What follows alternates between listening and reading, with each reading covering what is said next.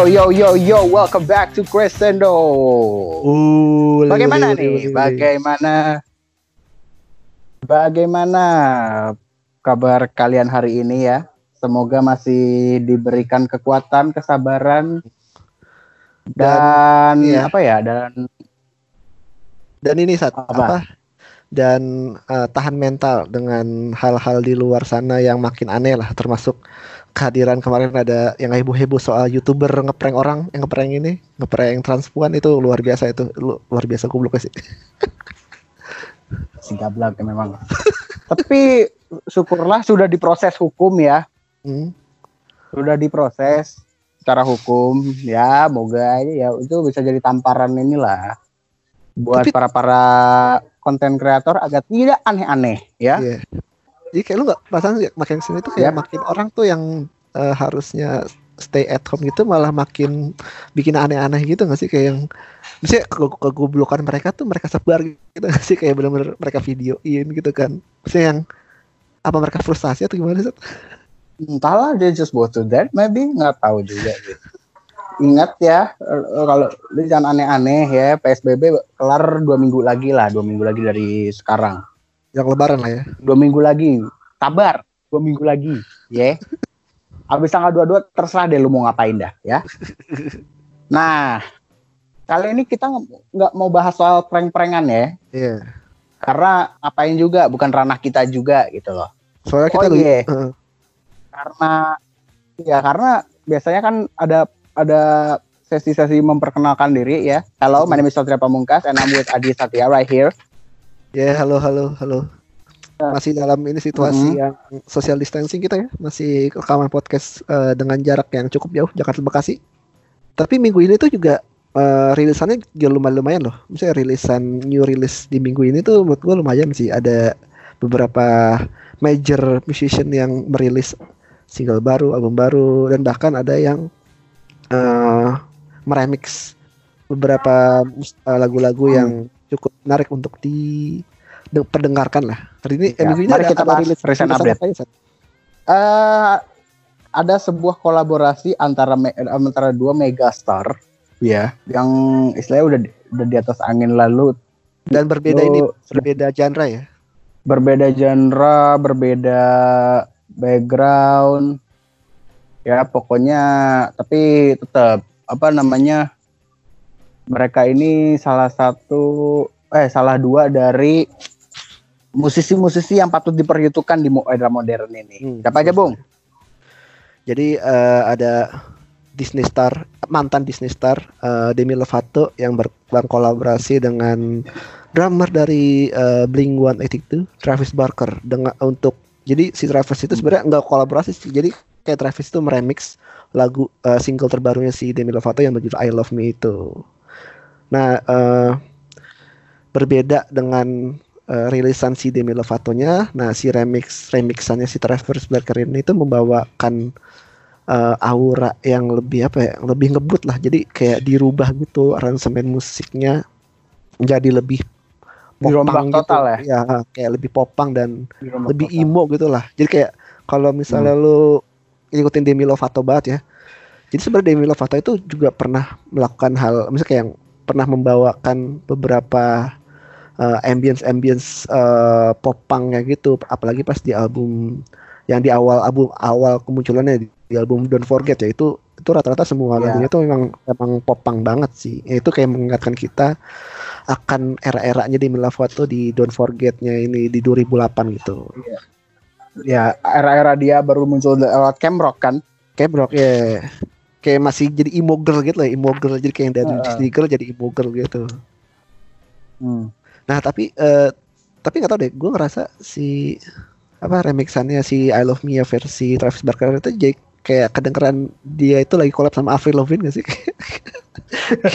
Apalagi pas bagian referennya gitu kayak bener-bener mirip banget sama Avril Lavigne gitu kayak gue ngebayangin Avril Lavigne tuh zaman-zaman apa eh, complicated skater skater boy gitu-gitu nih kayak beat-beat itu mirip banget sih. Iya. Jadi istilah istilahnya gini gak sih? Apa namanya? em, emo tuh sekarang eh, mulai mulai bangkit kembali gitu sih era-era emo ini. Ya, ya ada istilahnya itu emo revival. istilahnya. ya. Hmm. Sebenarnya bukan emo sih, kayak musik-musik kayak musik-musik eh, Popang iya, lah. kepopang, emo gitu itu emang lagi nggak tahu lagi mencoba untuk keluar lagi mungkin. Apalagi kan eh, si Ava kan emang si salah satu apa pentolan dari popang Ava Angel and Elves kan baru saja merilis ini kan apa namanya itu eh, single baru terus kayak video klip baru kayak ben- bener-bener jadi sebuah tanda kalau bakal terjadi popang atau emo revival dalam waktu dekat. Karena kita membahas soal Megastar, ada lagi nih Megastar yang berkolaborasi. Ya. berkolaborasi ya. Ya. Kayak ini dua megastar dalam satu manajemen ya, bisa dibilang ya. Ada Ariana Grande ya, Hmm. yang merilis single baru bersama Justin Bieber. Bertajuk Berja- Bertajuk apa ya? Stuck Stuck with You. Stuck, ya Stuck with You ya benar-benar. Sebenarnya lagu ballad banget sih, maksudnya kayak lagu balladnya si yang model-model Ariana Grande zaman-zaman apa sih? eh sama si Nathan Shake kayak model-model gitu lah. Kayak ballad-ballad romantis gitu. Cuman lagu ini tuh eh kayak jadi lagu persembahan si dua musisi itu tuh buat buat dunia gitu yang tengah menghadapi virus corona gitu sih. Kayak Oh. kayak kenapa lu stuck di rumah selama lu masih punya keluarga intinya gitu keluarga atau mas- atau Hmm. orang tersa- terkasih lah. terkasih Kenapa? lah Saya kayak lo kenapa sih lo harus merajuk kenapa sih kenapa sih corona pandemi ini ada gitu loh. Gue kan jadi merasa gitu sendirian atau apa padahal ya ya, ter- ya lu juga lu stucknya juga di rumah aja mungkin Mm-mm. bareng orang-orang yang apa orang-orang terkasih atau mungkin kalau lu yang tinggal sendiri lu bisa lu memang merasa sendirian karena rindu akan apa ya akan suasana rumah dan lain-lain gitu. Iya, heeh. dan lagu ini juga ini sih digunakan eh, si Bieber dan Ariana Grande itu untuk sebagai apa platform untuk mem- menggalang dana gitu sih. Jadi kayak Ya, seluruh ya charity buat eh, apa eh, mem- membantu para medis untuk membasmi virus corona. Jadi kayak semua dananya itu bakal disalurkan ke lembaga-lembaga yang meng- yang tengah fight untuk menghilangkan ini sih apa pandemi ini sih Eh, Terus ada lagi hmm, tuh Haley Ada- Steinfeld. Ada Haley Steinfeld yang merilis EP baru ya. EP baru EP baru bertajuk eh, Halfway Ten Story. Hmm. Ini ada lima lagu yang nggak tahu sih. Gue sih gue belum dengar banyak ya, mesti belum masuk ke kuping gue sih rata-rata. Tapi sebenarnya lagu Haley Steinfeld tuh emang eh, ear catching banget, kayak yang ntar paling lu juga bakal bisa ini sih jatuh cinta sama lagu-lagunya dia sih. kayak sesuatu yang seger banget deh dari Hailey Steinfeld ya kan di mana udah lama dia nggak ngeluarin EP ya terakhir EP dia tuh dia pas awal-awal dia muncul sebagai musisi nggak sih terakhir tuh Iya iya benar-benar. Dan lagu-lagunya juga sebenarnya ini banget sih eh, enak banget sih kayak di I Love You terus ada And This Love And This L O V E itu eh, mungkin dia bisa menjadi salah satu apa ya eh, alternatif lu ngedengerin musik-musik baru yang fresh gitu sih. Apalagi kan eh, si Harry Stanfield ini tuh termasuk artis menurut gue artis yang sangat underrated ya. Maksudnya yang lagu-lagunya sebenarnya banyak yang enak cuman nggak semua orang tuh eh sangat mendengari dia gitu kayak bener-bener Hmm. dia tuh kayak second second line up gitu lah buat dijajarin sama kayak misalnya Taylor Swift kayak misalnya eh Zara Larson, Sia atau atau bahkan sekelas Beyonce gitu kan kayak dia masih kayak anak bawang gitu lah si Harry Stanford ini. tapi lu sadar gak sih yang I Love You itu kayak ada sampel dari lagunya Annie Lennox Enggak enggak enggak enggak enggak sadar sih. Yang kayak itu yang gua yang gua denger dari refrainnya itu dia kayak ada interpolation dari lagu Annie Lennox yang judulnya yang No More I Love Yous kalau nggak salah ya kan kalau nggak salah Hmm. itu kalau deng- pernah denger yang dip dip dip dip dip Oh itu ya. ya, ya. Itu samplingnya si Annie Lennox berarti. Annie Lennox Hmm. Iya. uh, pentolannya Eurythmics siapa lagi nih siapa lagi nih siapa lagi nih eh ngomong-ngomong soal Sia Sia ya, Sia ada ini rilisan baru. Akhirnya mengeluarkan lagu baru Hmm. Judulnya? yang judulnya yang judulnya Save My Life. Setelah sekian lama ya kan, setelah sekian lama dia uh, gak mengeluarkan lagu atau apa enggak sih maksudnya kayak lagu yang benar-benar solo yang benar-benar untuk ini terakhir dia ngeluarin lagu tuh untuk soundtrack Doolittle Doolittle. ya kan Iya. Hmm. terus juga ya itu terus juga dia masih di dia di 2019an 2018 ini masih sibuk dengan project LSD-nya dia yang sama Hmm. Labyrinth sama Diplo. Ini masih jalan tuh video project ya? Iya, LSD kan, Labyrinth sama Diplo. Iya. Terus siapa lagi? Siapa Tapi lagi? mungkin Siapa lagi? uh, Apa? namanya Sia enggak misalnya di 2020 belum belum kayak meledak banget ya. Misalnya kayak yang biasanya kan dia Oh, di da, misalnya setiap tahun pasti ada karya baru yang bikin orang dengerin kan cuman kayak di 2020 ini dia belum bener-bener ngeluarin sesuatu yang wah gitu Sepertinya sih nggak nggak tahu juga. Karena nggak tahu juga karena mungkin gimana ya? Bisa dibilang untuk tahun ini banyak banget rilisan rilis. Mungkin kayak ini sih ke kubur sama tren lagu-lagu ha- hasil besutan eh, aplikasi kesayangan kita semua gitu loh. Ke kubur sama itu. eh Jadi ke, jadi kesannya kayak wah ya album baru, eh, lagu baru wah. Gue baru tahu nih istilahnya gitu. Setelah lu berkali-kali lu kalau nggak lu kalau nggak Roxanne apalah gitu Hmm. loh. Feeling good like I should lah, apalah. Istilahnya ya itulah ke- ketika eh, sekarang tuh apa ya lagu-lagu dari yang di apa yang dipopulerkan di TikTok tuh malah itu yang naik. Contoh juga ada juga lagu lama yang akhirnya trending lagi gara-gara TikTok. oh iya iya. ya kayak Gitu. inilah Si ini, si ini Bung, apa? Melanie Martinez. Mart- ya Martin Mariano Martinez lagi Melanie Martinez yang Hmm. Sebenarnya itu itu lagu tuh cuman ada di eh, edisi eh, deluxe-nya album pertamanya dia yaitu Cry Baby. Cuman karena TikTok jadi album eh, jadi lagu itu jadi naik lagi gitu loh. Hmm. Terus Nah. ada lagi nih salah satu yang paling ditungguin banget adalah eh, lagunya jadi ada artis artis eh, legend sih gitu ya, legend musisi Indonesia yang baru saja comeback dan merilis single baru. Jadi si Melly Guslau itu merilis lagu baru berjudul eh, Berkumpul di Surga. Jadi tuh lagu ini tuh di dedikasikan untuk musisi-musisi yang kemarin baru meninggal ya kayak Iya. si siapa eh, Glenn Fredly terus Kemarin Didi Kempot eh, ini kayak momennya tuh kayak momen bener-bener kayak Bener. momen momen-momen sulit lah untuk eh, dunia belantika musik Indonesia gitu loh. Mm.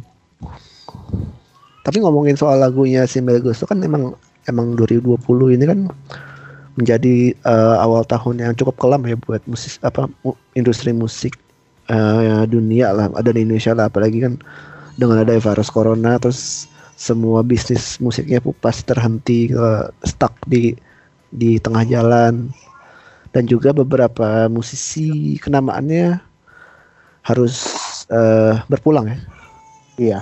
yang mana ada yang paling mengejutkan adalah eh, si eh, almarhum Glenn Fredly Hmm. yang meninggal dua, dua minggu yang lalu dia Apaan? Glenn Fredly baru Glenn Fredly. dua- Ah. Bulan kemarin. iya kan kayak baru beberapa Ini- minggu eh, yang enggak, lalu enggak, Bung. Ini ini tepat sebulan. sebulan ya Ya, di di tanggal kita ngerekam ini 8 Mei ini tepat sebulan Glenn eh, Glenn Fredly berpulang ke Hmm. pangkuan Yang Maha Kuasa. ya nah di podcast ini kita juga kayak pengen nih mem- membahas beberapa musisi yang meninggalkan apa ya istilahnya itu eh, heritage yang cukup besar nggak cuman di Indonesia tapi juga di luar negeri lah dan Glenn Fredly Hmm. salah satu ini sih salah satu bisa dibilang tuh musisi yang punya punya ini ya punya andil dalam mem- memajukan musik musik Indonesia lah ya Mm. Dia kan juga yang dia salah satu yang garda depan kan pas pas eh, apa gencar-gencar RUU permusikan itu kan dia juga yang paling depan kan. yang paling depan menolak lah ya dari Dari- hmm, beberapa karyanya dia tuh kayak dia punya dia punya banyak banget karya-karya yang apa kayak everlasting gitulah dari timeless. Iya dari zaman-zaman awal akhir 90-an tuh dia udah berkarya gitu lah lagu-lagu kayak kayak Januari terus ada sekali Hmm. sini saja terus ada terserah sama yang paling gue suka tuh yang kasih putih itu yang Ya. bi- bikin telinga kita tuh adem lah kalau dengerin lagu-lagu dia gitu. Apalagi kan dia ini kan musisi salah satu musisi apa ya eh musisi timur lah ya yang yang Ah. berhasil menembus barikade eh kompetisi musik eh, musik in- di di Jakarta atau bahkan di ibu kota gitu Hmm. yang akhirnya di, dikenal di seluruh di seluruh Indonesia gitu bahkan di Malaysia pun orang-orang Malaysia atau orang-orang Singapura kalau dengar kata Glenn Fredly udah kayak angkat topi gitu lah Hmm.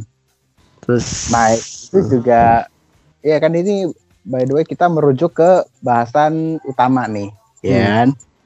Yaitu yaitu musisi-musisi yang menurut kita itu gone too soon lah, hmm, ya kan? maksud.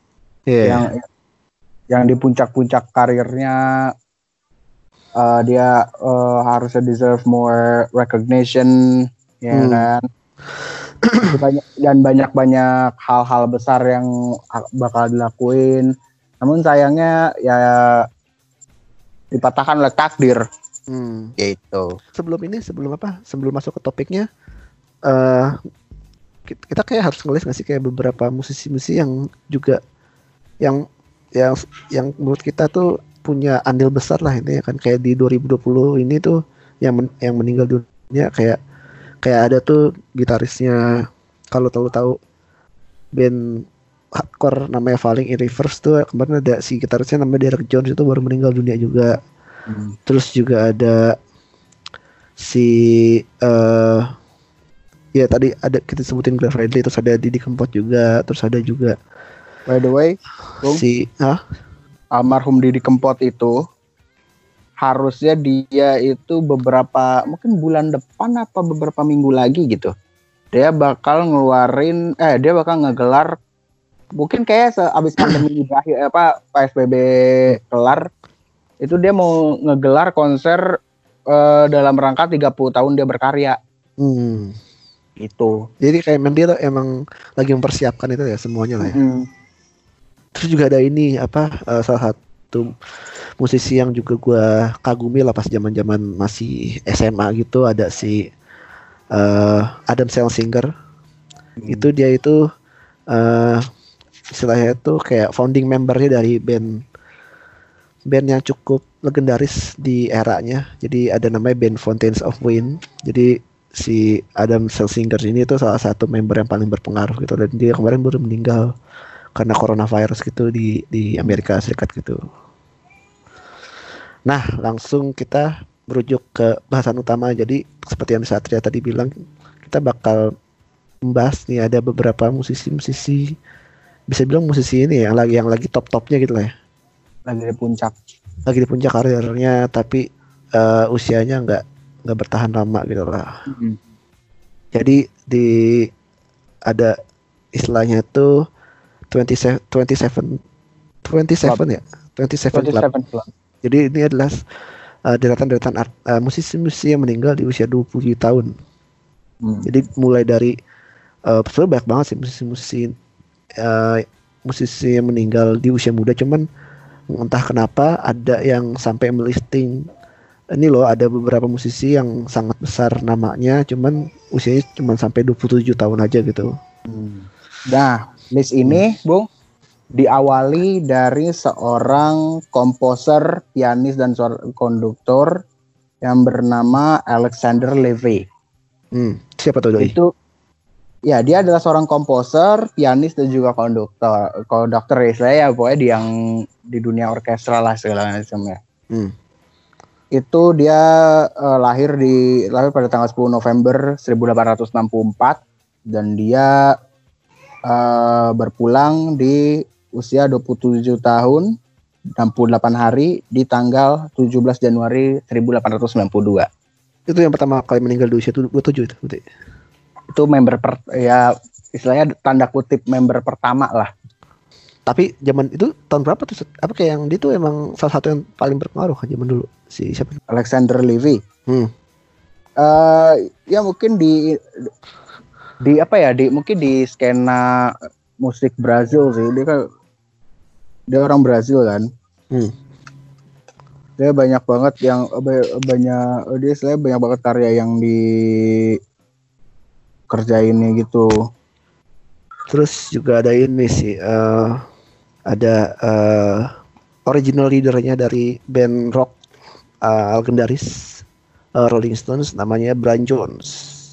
Hmm. jadi uh, kalau misalnya lo ngikutin The Rolling Stones gitu si Brian Jones ini tuh kayak menjadi apa istilahnya tuh? Motor lah di era hmm. awal-awalnya si si The Rolling Stones ini berkibar gitu. Hmm. Jadi waktu itu nggak tahu sih uh, ini, dia kan kayak emang udah lampau banget jadi ini musisi itu ber, uh, namanya tuh sangat sangat harum itu di era 60-an gitu kan 50 60-an gitu. Saat bergabung bersama si The Rolling Stones itu dia menjadi uh, membentuk lah kan confounder. Jadi kayak eh, dia membentuk si ini, membentuk si Rolling Stones ini dan mengangkat namanya Rolling Stones sampai ke puncak puncak uh, apa ya, kepamoran gitu bersama si Mick Jagger. Terus ada kayak member-member yang lain dan dia itu dikenal sebagai sosok yang sangat jenius dalam menulis meragu gitu lah. Lagu yang benar-benar sangat long lasting gitu kalau dengerin itu. Bahkan nggak tahu deh hampir hampir semua rilisan awal Rolling Stone itu punya andil tuh kayak dia gitu kayak bener otaknya di otaknya tuh dia gitu hmm. kayak menjadikan si Brian Jones ini uh, sebagai tulang punggung lah bisa dibilang bisa dibilang selain si kehadiran si Mick Jagger lah ya sebagai si yeah. vokalisnya gitu nah hmm. tapi tapi uh, apa namanya tuh usianya itu nggak bertahan lama hmm. karena dia uh, meninggal di pada tanggal 3 Juli 1969. Ya, 69 di usia 27. Karena karena kan dia tenggelam di kolam, kolam renang ya. Kolam renang ya, ya. Nah, itu juga kematian sebenarnya masih menjadi ini sih, misteri sih jatuhnya sih. Hmm. Karena uh, apa namanya itu?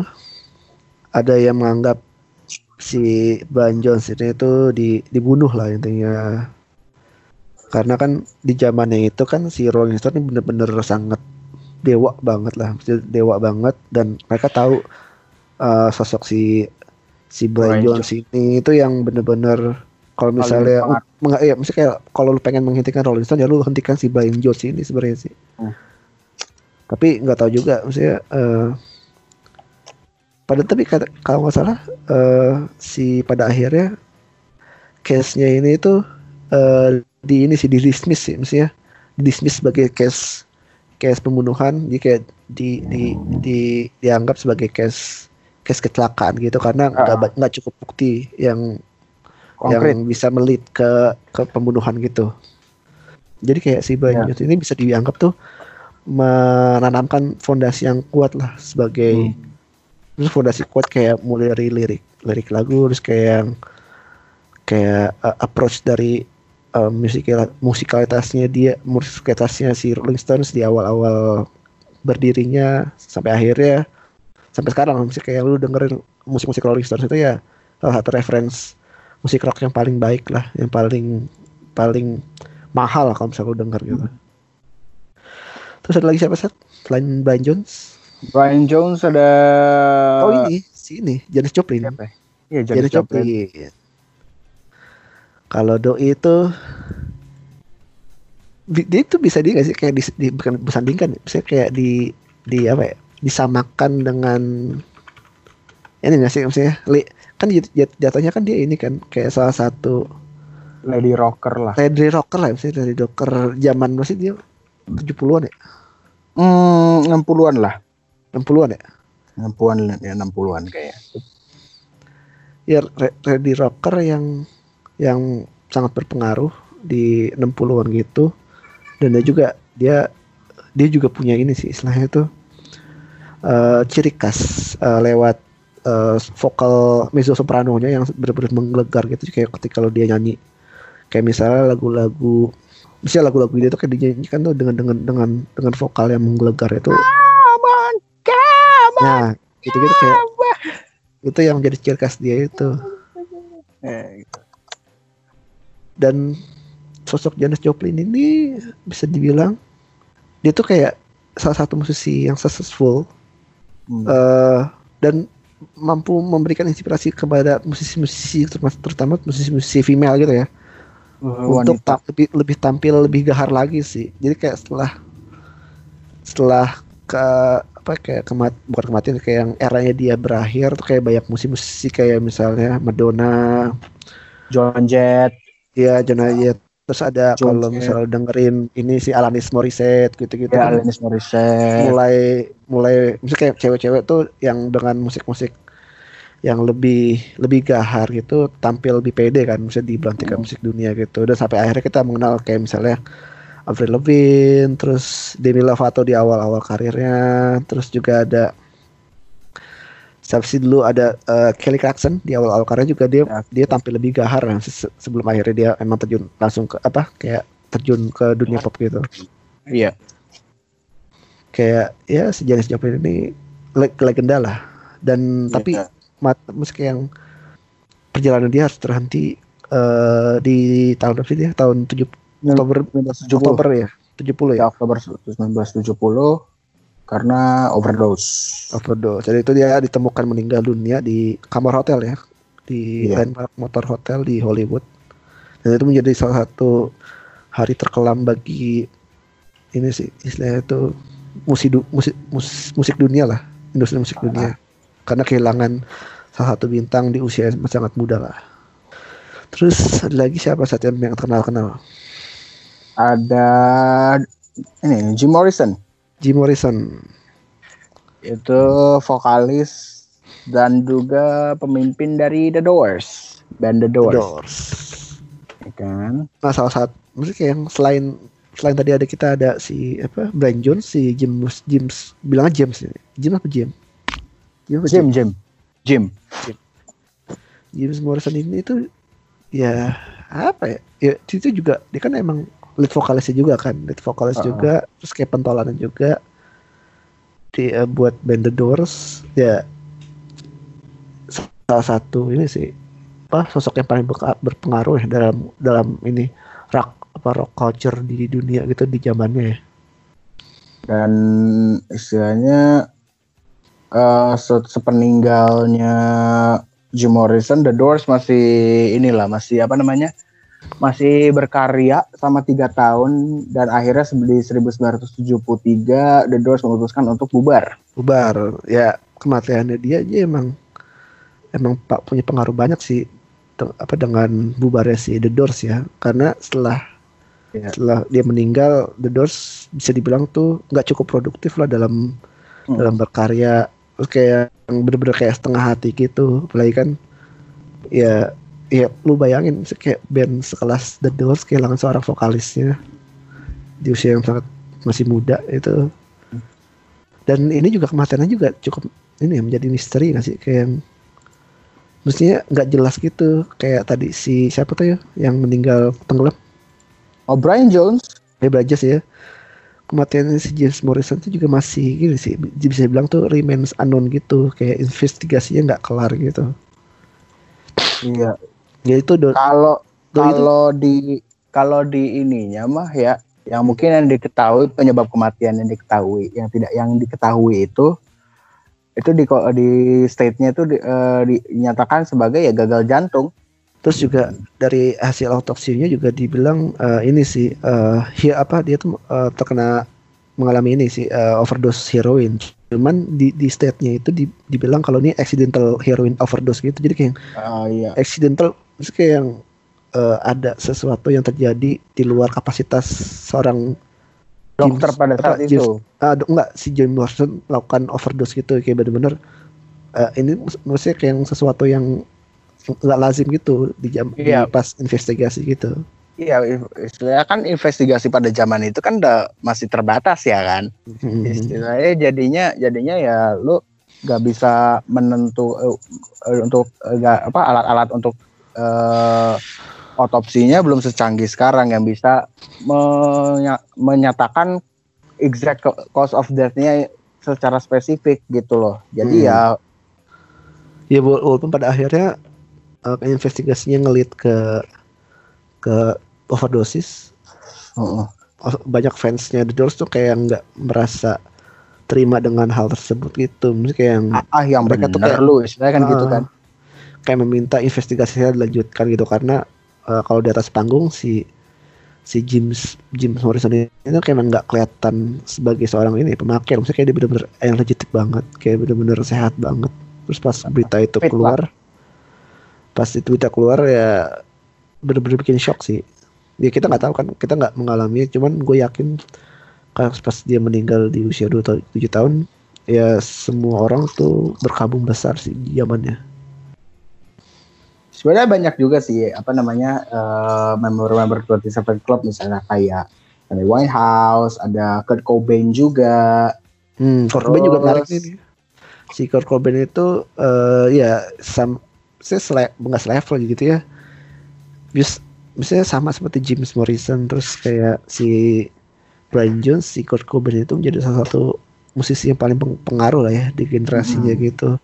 Apalagi kan Nirvana itu di 80-an 70-an itu kan kayak bener-bener gede dan menjadi salah satu band yang ikonik gitu yang mengubah apa uh, cara pandang orang mengubah kiblat mengubah iya kiblat kiblat musik juga. Kalau misalnya lu sandingkan tuh ya kayak lu ngomongin bling di 2000-an gitu-gitu yang benar-benar mempengaruhi komunitasnya. Dan Kurt Cobain ini uh, bersama ini ya rekan-rekannya dulu si siapa namanya?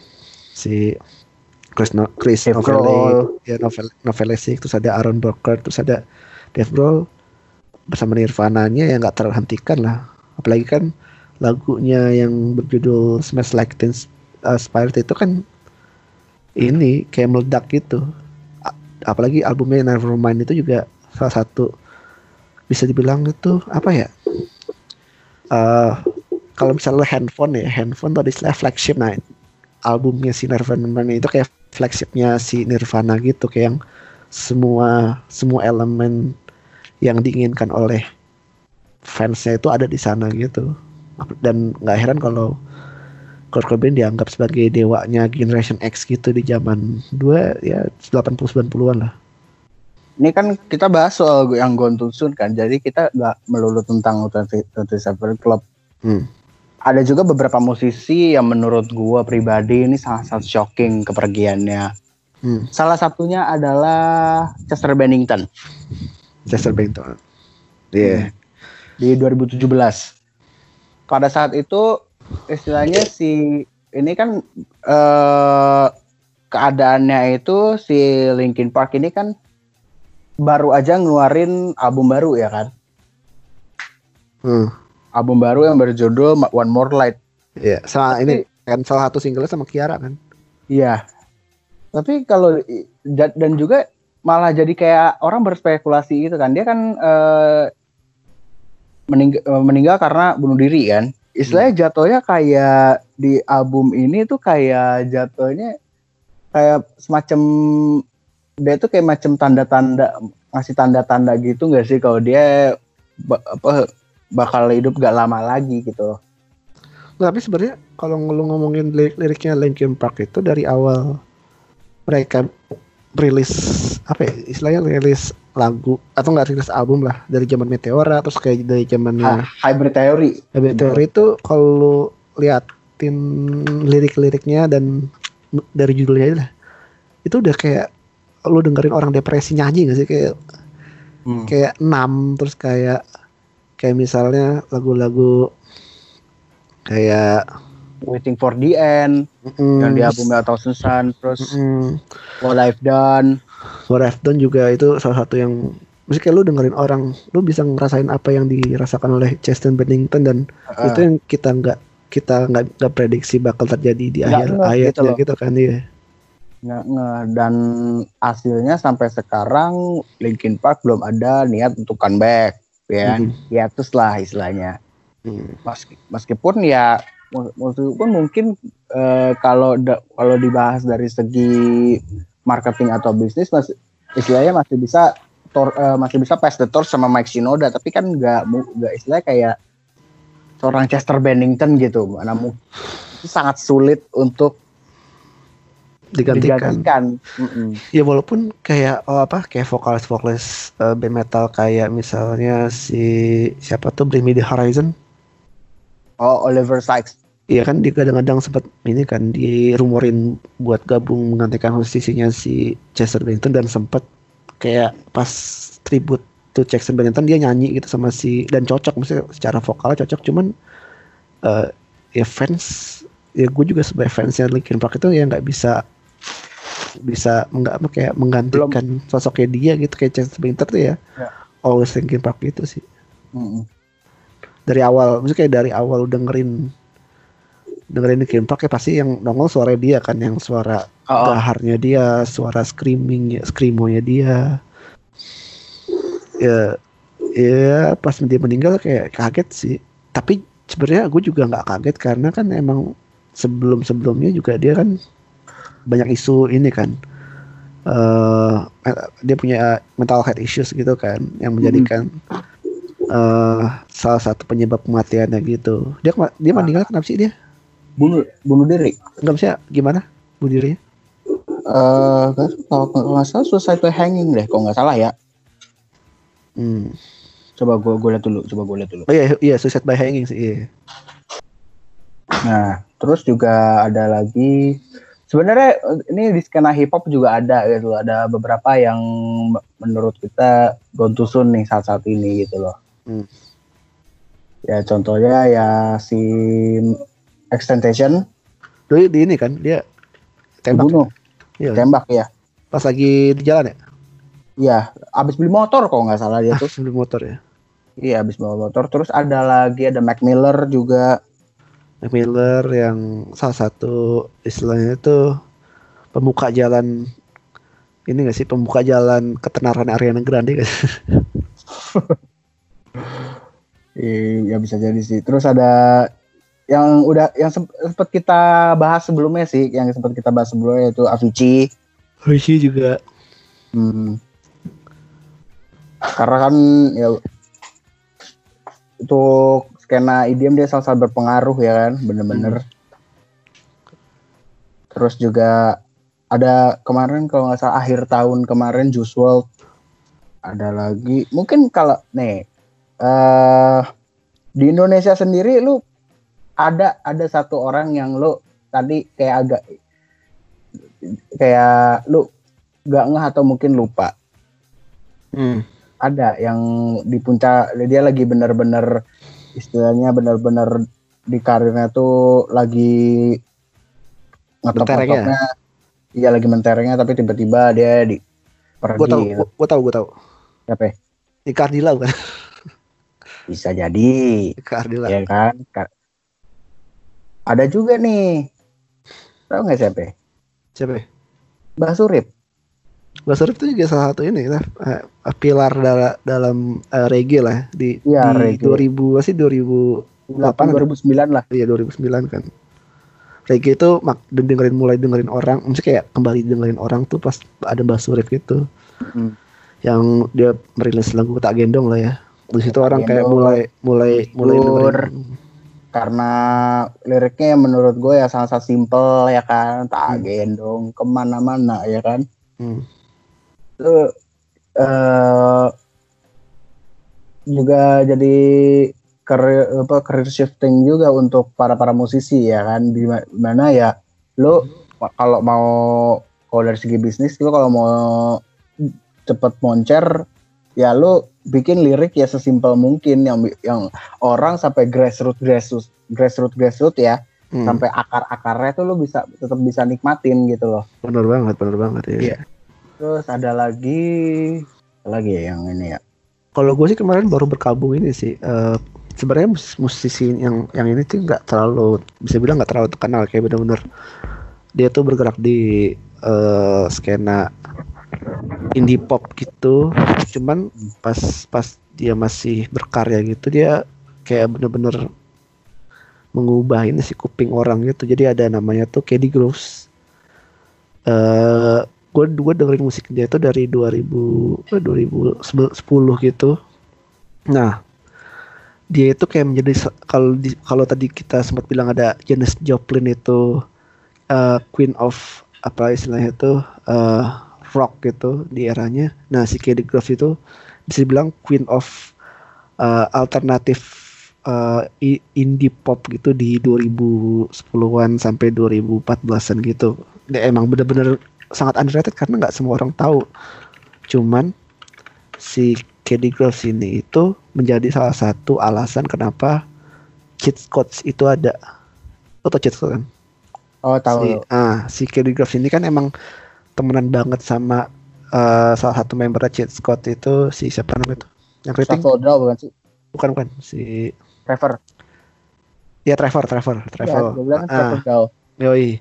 Nah di pas di zamannya itu di 2011 2012 itu mereka berdua itu jadi si Trevor itu punya Traveler itu punya namanya plugin stereo. Nah oh. si Kelly Grove itu ya benar-benar ngebantu dan ngedorong si Trevor Trevor Dawes itu buat berkarya gitu kayak benar-benar dari bawah gitu dibantuin ayo lu mau collab atau apa lu ku bantuin lah dan sedangkan si Kid Golf itu di di di di zaman itu emang udah punya nama lah kayak semua band-band indie di Amerika sana itu kayak pengen banget collab sama dia gitu gitu lah kayak kayak mudah-mudah kayak Steven Gersak terus ada The Ready Set terus ada kalau lu pernah denger uh, Chase Joy terus ada Aroka to the Moon Never South Never tuh kayak bener-bener uh, selalu selalu respect lah sama si Kid Golf ini kan. Dan pas pas pas dia si Kedikus kemarin baru meninggal gitu meninggal juga gue belum tahu alasan kenapa apa kayak penyebabnya apa cuman kalau nggak salah ya, ini deh apa natural causes iya itu ya? Iya. Jadi uh, yang salah satu orang yang paling bersedih banget ya si Trevor itu lah karena dia kayak thanks apa kayak berterima kasih banget sama si Kedikus setelah membantu dia untuk ah pada akhirnya um, merilis project yang berjudul apa berjudul cheat codes itu kan. Kalau pengen lu denger tuh ada album-album ini emang emang nggak banyak cuma ada tiga album. Cuman kalau lu dengerin tuh kayak bener-bener gue paling suka albumnya dia judul uh, Amount of Sundays. Hmm. itu kayak folky folky kayak lu denger, bisa lu dengerin pas lagi di sawah gitu kayak siang hari sawah bener-bener ya saya ketika lu menjauh dari hiruk pikuk kota ya kan kembali ke alam yo yo yo yo ya kan Hmm. Bisa tuh cocok tuh. Sama, oh iya, kalau sama ya indie pop indie pop ini gue jadi keinget lagi satu nama, Christina Grimmie. Oh iya, itu juga sedih sih meninggal sih. Mm -mm. Itu meninggal kapan dia? 2000 sih. 2016 kalau nggak salah. 2016 ya itu uh, menjadi salah satu apa ya istilahnya itu youtuber nggak sih jadi istilahnya itu youtuber uh, cover cover artis gitu hmm. yang dan juga yang dia mudak, jadi mudak apa ini dia juga ini apa namanya uh, run apa runner up The Voice. Iya kan The Voice kan. Season Tapi 6. emang namanya Christina Grimmie itu emang sangat sangat gede ya di komunitas musik indie gitu. Apalagi kalau lu ngomong soal YouTube karena lu lihat aja misalnya coveran YouTube-nya dia banyak banget dan dia tuh kayak menjadi salah satu uh, istilahnya itu yang mengawali lah kayak bersama ini kalau lo tau Alex Good gitu-gitu kan emang dia legend banget kan di di YouTube YouTube music cover gitu dan si Christina Grimmie itu ya salah satu ini ya salah satu member yang berhasil mengangkat pelopor pelopor ya pelopor musik cover musik cover menjadi musisi beneran gitu mm-hmm. seperti yang kita mesti kita kenal Troy Sivan lah ya yeah. kan? Troy Sivan terus siapa lagi sih yang awalnya dari ini YouTube. Sebenarnya juga Justin Bieber juga ada YouTube juga sebenarnya ya kan. Mm-hmm. Justin Bieber terus ada lagi. Pokoknya itulah. Nah, gua, gua tuh kayak paling suka lagunya dia kolaborasi sama ini sih sama sama Sam Sui. Jadi dia ada mengcover lagu berjudul Jasa Dreamnya si Nelly. Oh iya. Itu wah gila itu salah satu cover terbaik yang pernah gue dengerin di YouTube sih. Hmm. Dan dia itu ini kolab kolab bareng sama salah satu produser music cover di YouTube juga uh, si uh, Kurt, Hugo Snyder. Hugo itu gue sempat ketemu tuh dia dia pas Fanfest. Fanfest ya? Fanfest. Fanfest. Ya, ya Fanfest gue ketemu sama Kurt Hugo. Enggak, ketemu sama Alex. Gue Kurt Hugo sama uh, ini Against the Current tuh masih Si, ya, Against the Current. Ya, yeah, Christy Chris Kosansa. Iya. Nah, itu gue juga sempat nanyain soal si Christina Grimmie gitu, misalnya kayak kayak emang si saat Christina Grimmie itu yang punya punya lah punya legacy lah di komunitas musik YouTube gitu. Pokoknya segitu dulu uh, di episode uh, Crescendo yang sesi uh, Gontusun ini. Semoga uh -uh. bisa kalian bisa mendapatkan insight baru, musik kayak musisi-musisi yang sudah meninggal cuman apa karya masih bisa kita, dengar sampai sekarang. Hmm.